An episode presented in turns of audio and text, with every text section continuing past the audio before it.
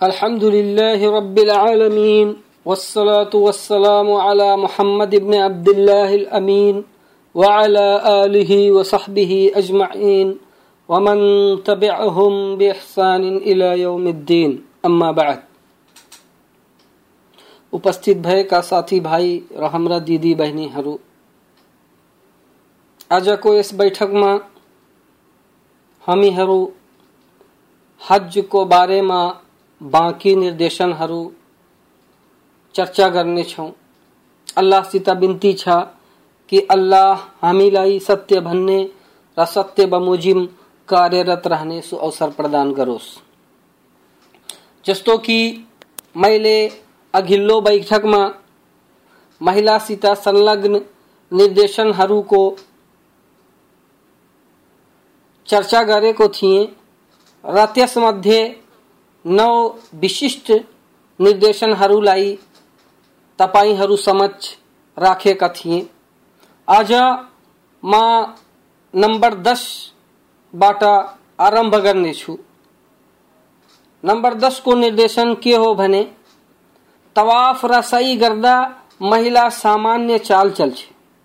इब्ने कुदामा मुगनीको भाग तीन, पेज तीन सौ चौरानबे चौरानब्बेमा भन्छन् कि महिला को तवाफ गर्नु र सफ़ा एवं मरवा को सही गर्नु सामान्य चाल चल्नु नै हो। इब्नुल मुन्जिर को भनाइ छ कि यस कुरामा विद्धहरूको एकमत छ कि महिलामाथि तवाफ गर्दा, न त रमल तीव्र गतिले हिँड्नु छ, न त सही गर्दा तुगुर्नु नै छ। न त उनीहरूमाथि इस्टेबा एउटा काँधालाई खोलेर तवाफ गर्ने कार्य नै छ। किनकि यी कार्यहरूद्वारा शक्ति र कठोरता प्रदर्शित गर्नु अभिप्राय हुन्छ जुन महिलाको लागि होइन। र यसकारण पनि कि महिलाहरूको लागि पर्दा गर्नु अनिवार्य छ, यसर्थ रमल गर्दा र दौड लगाउँदा एवं इस्टेबा गर्दा त्यसको शरीरका केही अङ्गहरू बेपर्दा हुने खतरा हुन्छ। नम्बर ग्यार, रजस्वलाको अवस्थामा भएकी महिलालाई के गर्नु छ? र कुन कार्यहरूलाई तबसम्म गर्नु छैन जबसम्म पवित्र नभइहालोस् महिला ती समस्त हजका कार्यहरू गर्छे, जसलाई समस्त हाजीहरू गर्छन्। जसरी एहराम लगाउनु अरफातमा उभिनु मुजदल्फामा रात्रि व्यतीत गर्नु कङ्करी हान्नु आदि। तर बैतुल्लाहको तवाफ तबसम्म गर्दैन, जबसम्म रजस्वलाबाट पवित्र नभइहालोस् किनकि रसूल सल्लल्लाहु अलैहि वसल्लमले हज़रत आइशा रजियल्लाहु अन्हासित भन्नु भएको थियो, जब उहाँ रजियल्लाहु अन्हालाई रजस्वला आएको थियो, कि तिमी पनि ती समस्त कार्यहरू गर, जुन हाजीहरू गरिरहेका छन्। तर बैतुल्लाहको परिक्रमा तबसम्म नगर्नु, जबसम्म रजस्वलाबाट पवित्र नभइहाल, बुखारी हदिस नम्बर दुई सौ निन्यानब्बे, मुस्लिम हदिस नम्बर बाह्र सौ ग्यारह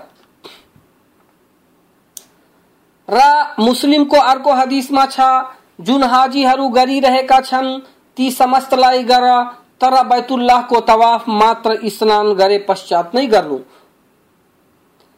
मुस्लिम हदिस नम्बर बाह्र सौ ग्यारह। इमाम शौकानी नैलुल अवतारको भाग पाँच, पेज उन्चासमा भन्छन्, र हदिसबाट यो प्रश्न छ कि राजा सोलामा भएकी महिला तबसम्म बैतुल्लाहको तवाफ गर्न सक्दैन, जबसम्म त्यसको राजा सोलाको रगत बंद नहोस्। अनि त्यो स्नान गरेर पवित्र नभइहालोस्। यसर्थ रजस्वलाको अवस्थामा तवाफ गर्नुबाट रोक लगाउनुको अर्थ यो हो कि यदि महिलाले यस्तो अवस्थामा तवाफ गर्यो भने त्यो तवाफ अमान्य छ। र यो नै अधिकांश विद्धहरूको भनाइ हो। त्यसको सही पनि सही हुँदैन। किनकि सही तवाफ पश्चात नै गरिन्छ।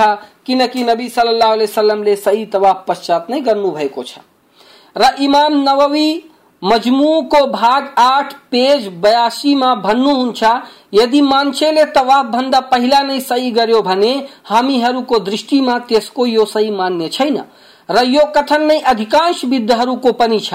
र मावर्दीले यस कुरामाथि समस्त विद्धहरूको एकमत पनि वर्णन गरेका छन्।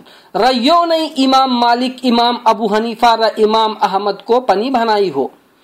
र इब्नुल मुन्जिलले अतार केही अरु हदीसका विद्धहरूको यो कथन पनि वर्णन गरेका छन् कि त्यसको सही सही र मान्य हुन्छ र यस कथनलाई हाम्रा साथीहरूले अता र दाउदको माध्यमले वर्णन गरेका छन्। र यस कुरामा हाम्रो प्रमाण रसूल सल्लल्लाहु अलैहि वसल्लम को हज करने तरीका हो। र रसूल सल्लल्लाहु अलैहि वसल्लमले तवाफ पश्चातमै सही गर्नु भएको हो। र उहाँ सल्लल्लाहु अलैहि वसल्लमले भन्नु भएको छ। लतअखदु अन्नी मनासिककुम। अर्थात तिमीहरू हज गर्ने तरिका मसित सिकिहाल र रह्यो इब्ने शरीक सहाबीको यो हदीस, जसमा उहाँ रज़ी अल्लाह अन्हो भन्नुहुन्छ कि म रसूल सल्लल्लाहु अलैहि वसल्लमको साथमा हज गर्ने नियत निस्के।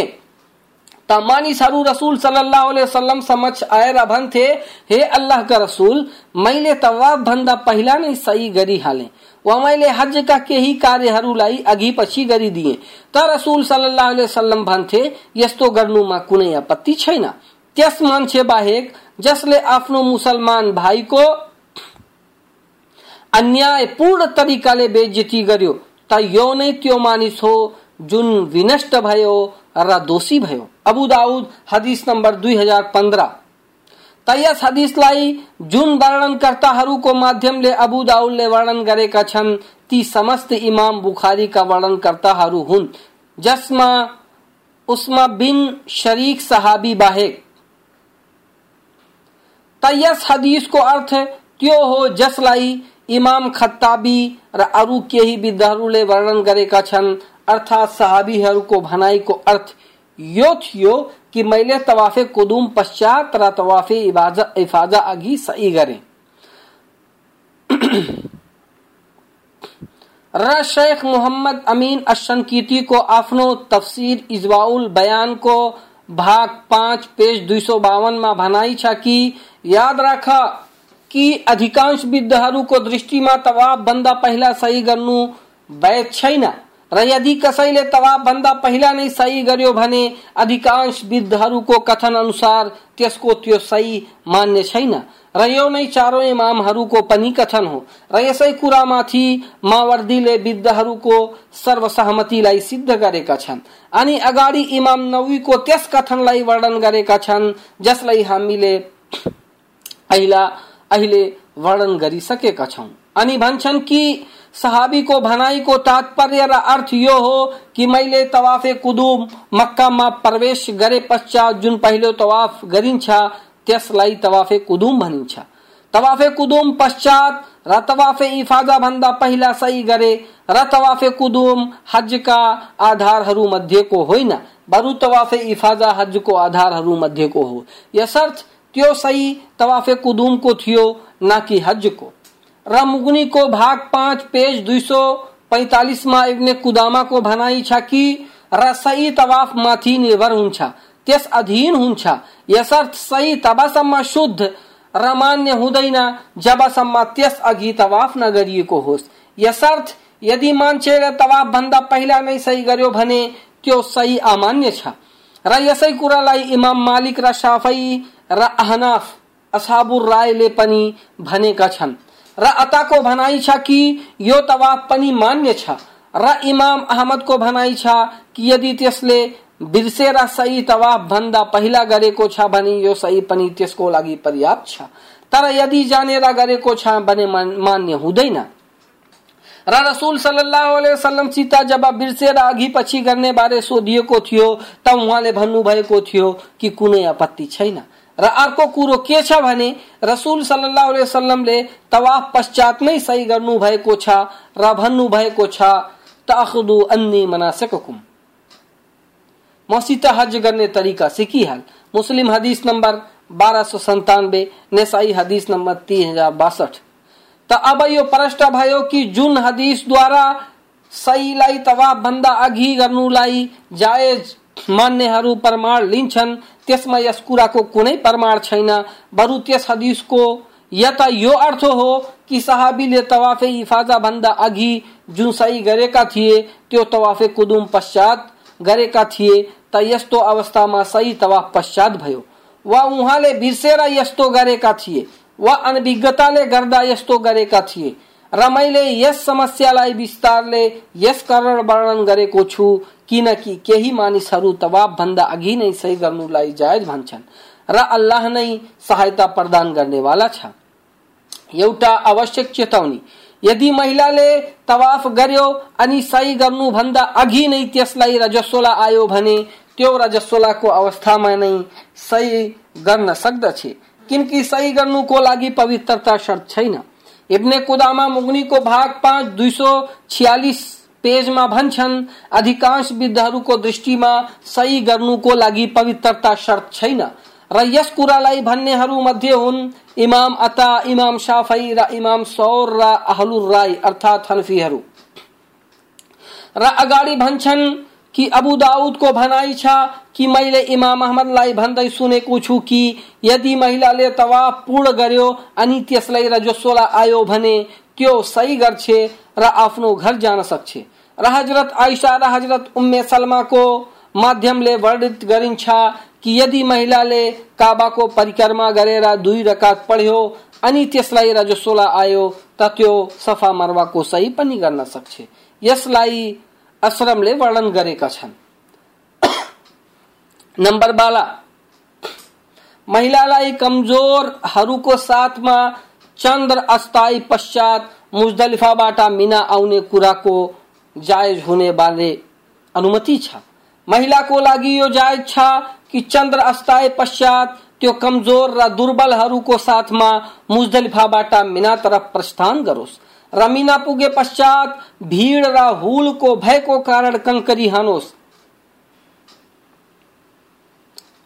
मुवफ़क मुगनी को भाग पाँच, दुई सौ छियासी पेज अंतर्गत भन्छन् र कमज़ोर, र महिलाहरूलाई पहिलालाई आउनुमा कुनै आपत्ति छैन। र हज़रत आइसा एवं अब्दुल रहमान बिन औफ ती महान मानिसहरू मध्येका हुन्, जुन आफ्ना परिवारका कमजोरहरूलाई मिना तर्फ पहिला नै जान दिन्थे र यसै कथनलाई अता, सौरी अबु सौर, र दृष्टिवान विद्धहरूले पनि भनेका छन्। र यस कुरामा कसैको पनि मतभेद हामीलाई थाहा छैन किनकि यसमा कमजोरहरूको लागि सरलता र सुगमता छ। र उनीलाई भिड र हुलबाट सुरक्षित राख्नु पनि छ र रसूल सल्लल्लाहु अलैहि वसल्लम को अनुसरण पनि छ।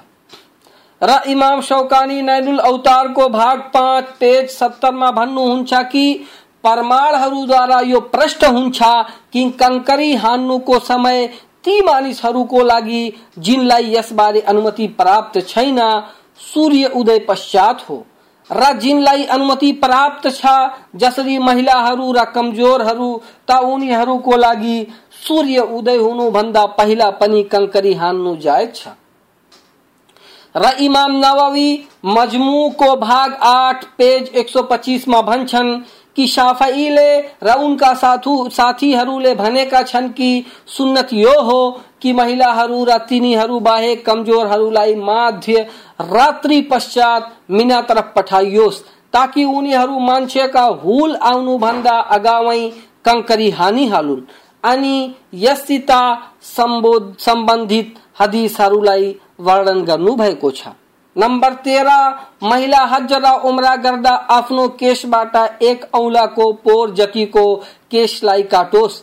महिला हज र उम्रा गर्दा आफ्नो केशबाट एक औलाको पोर जतिको केशलाई काटोस्। महिलाको लागि कपाललाई खौराउनु जायज़ छैन र पोरको अर्थ हो औलाको माथिदेखि पहिलो जोर्नी। सम्म अर्थात लगभग एक इंच मुगनीको भाग पाँच, तीन सौ दस पेजमा भनिएको छ कि महिलाको लागि कपाल काट्नु नै वैधानिक छ। कपाललाई खौराउनु होइन। र यस कुरामा कसैको पनि मतभेद छैन। इब्नुल मुन्जिरको भनाइ छ कि यस कुरामा विद्धहरूको एकमत छ किनकि कपाल खौराउनु उनीहरूको हकमा मुसला हो। अर्थात नाक कान काटने कार्य झै हो। र इब्ने अब्बासले वर्णन गरेका छन् कि रसूल सल्लल्लाहु अलैहि वसल्लमले भन्नुभयो लैसा अलन निसाई हलकुन, इन्नमा अलन निसाई तक्सीर महिलामाथि कपाल खौराउनु वैध छैन, बरु कपाल काट्नु नै वैध छ। अबु दाउद हदिस नम्बर उन्नाइस सौ चौरासी। र हज़रत अली रज़ी अल्लाह को भनाई छा कि नहन रसूलुल्लाह नहा रसूलुल्लाह सल्लल्लाहु अलैहि वसल्लम अन तहलिकुल मरअतु रासहा। अर्थात, रसूल सल्लल्लाहु अलैहि वसल्लम ले महिला महिलालाई टाउको खराउनुबाट मनाही गरेका छन् तिरमिजी हदीस नंबर 914 र इमाम अहमद भन्थे कि महिला आफ्नो प्रत्येक लटबाट एक औलाको पोर जति काट्छे, र यो नै इब्ने उमर रजियल्लाहु अन्हो, र इमाम शाफई, र इसाक र अबू सौर रहमहुल्लाहको पनि भनाइ हो। र अबू दाऊदको भनाइ छ कि मैले अहमदलाई भन्दै सुने, जब उहाँसित यो प्रश्न गरियो कि के महिला आफ्नो पूर्ण कपालबाट काट्छे, त उहाँले भन्नुभयो हो, त्यो आफ्नो पूर्ण कपाललाई अर्थात् अनुहारतिर गरेर यसैबाट एक औलाको पोर जति केश काट्छे र इमाम नवी मजमुको भाग एक, भाग आठ, पेज एक सौ पचास, एक सौ चौवनमा भन्छन् कि यस कुरामाथि समस्त विद्धहरूको एकमत छ कि महिलालाई टाउको खौराउने आदेश गरिन्न, बरु त्यसको लागि मात्र कपाललाई काट्नु वैधानिक छ। र कपाललाई खौराउनु त्यसको लागि विधात हो। र यस्तो गर्नु मुसला झै पनि छ। नम्बर चौध रजस्वलामा भएकी महिला, जब ठुलो जमरालाई कङ्करी हानिसकोस्, र आफ्नो केशलाई काटिसकोस्, त त्यो आफ्नो एहरामको बन्देजबाट मुक्त भयो। र त्यसको लागि ती समस्त कुराहरू हलाल भए, जुन एहरामको कारण निषेधित थिए, मात्र त्यो आफ्नो स्वामीसँग सम्भोग गर्न सक्दैन।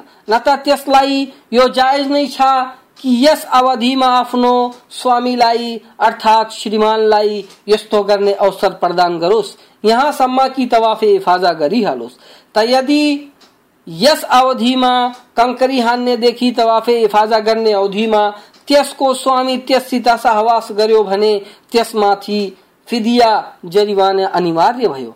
र त्यो हो एक बाख्रालाई मक्कामा बलि गरेर मक्काका दरिद्रहरूमा वितरण गरोस्। किनकि यस्तो घटना पहिलो तहल्लुल पश्चात घटित भएको छ, अर्थात् कङ्करी हानेर बाल काटे पश्चात यो घटना भएको छ। र कङ्करी हानेर बाल काटेर हलाल हुनुलाई तहल्लुल उला अथवा पहिलो तहल्लुल भनिन्छ। नंबर पंद्रह जब महिलालाई तवाफे इफाजा जियारत पश्चात रजस्वला आओस् त त्यो जहिले चाहोस् आफ्नो देश नगरतिर यात्रा गर्न सक्छ। र यस्तो अवस्थामा त्यसको लागि तवाफे विदा विदाईको तवाफ माफ़ भइहाल्छ।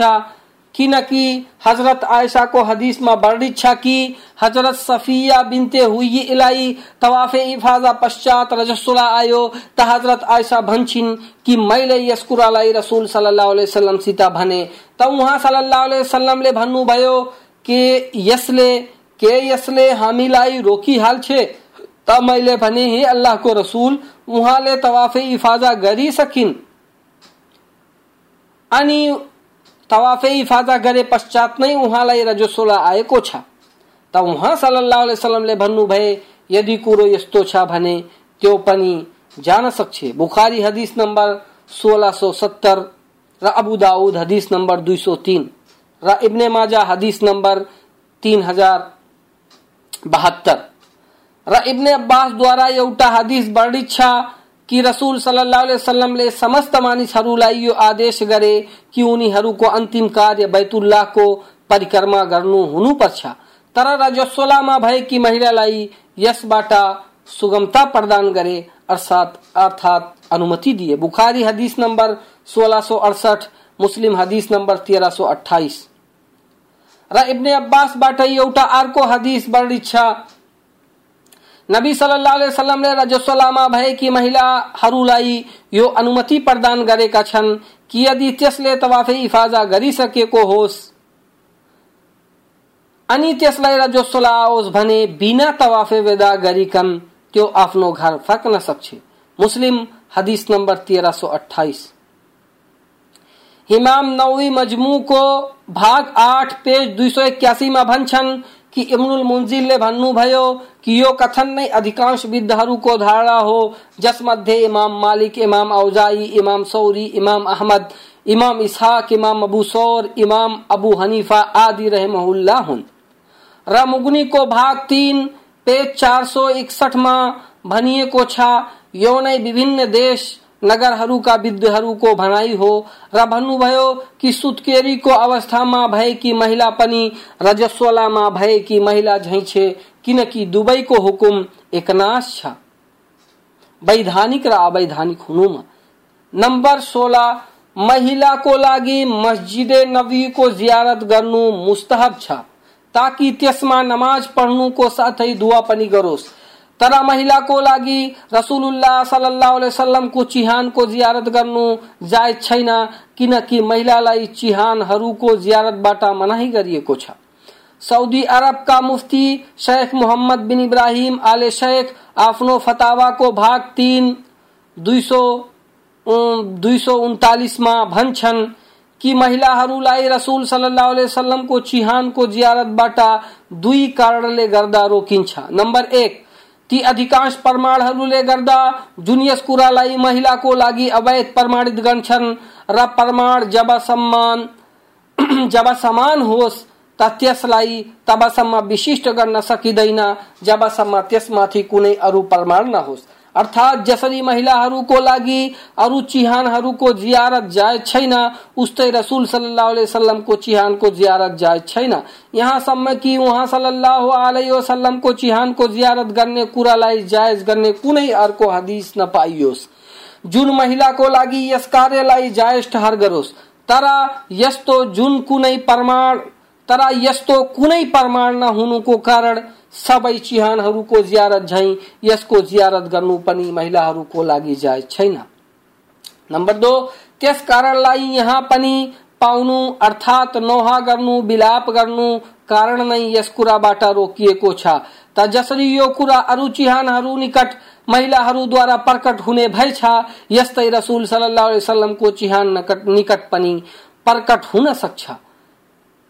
हेर्नुहोस् किताब अतहकीक वल ईजाह लेकसीर मिनल मसाइल लेकसीर मिनल मसाइल हज वल उम्र व जियारा अला जो इल किताब व सुन्ना पेज 19 लेखक शेख अब्दुल अज़ीज़ बिन बाज रहमहुल्लाह र इब्ने बाज रहमहुल्लाह आफ्नो किताब तहकीक वल इजाहमा जुन पृष्ठमा यो वर्णन गरेका छन् कि जुनसुकै मान्छे मस्जिद नबीको जियारत गर्छ अनि रसुल सल्लाह को चिहानको जियारत गर्छ त्यसै पृष्ठमा यस सन्दर्भमा भन्नुभएको छ कि रसुल सल्लाह को चिहानको जियारत मात्र पुरुषहरूको लागि वैधानिक छ।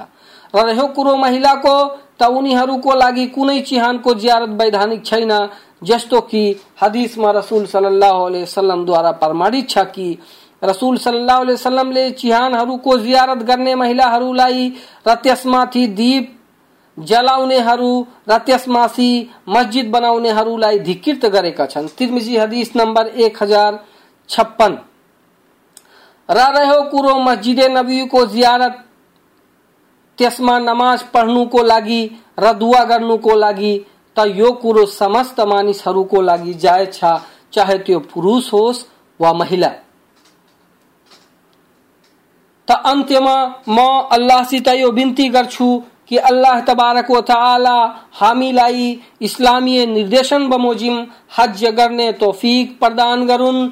र मस्जिद नबीको जियारत गर्दा जुन हदिसहरूबाट पृष्ठ छ, मात्र त्यही कार्य गर्ने सौभाग्य प्रदान गरून्।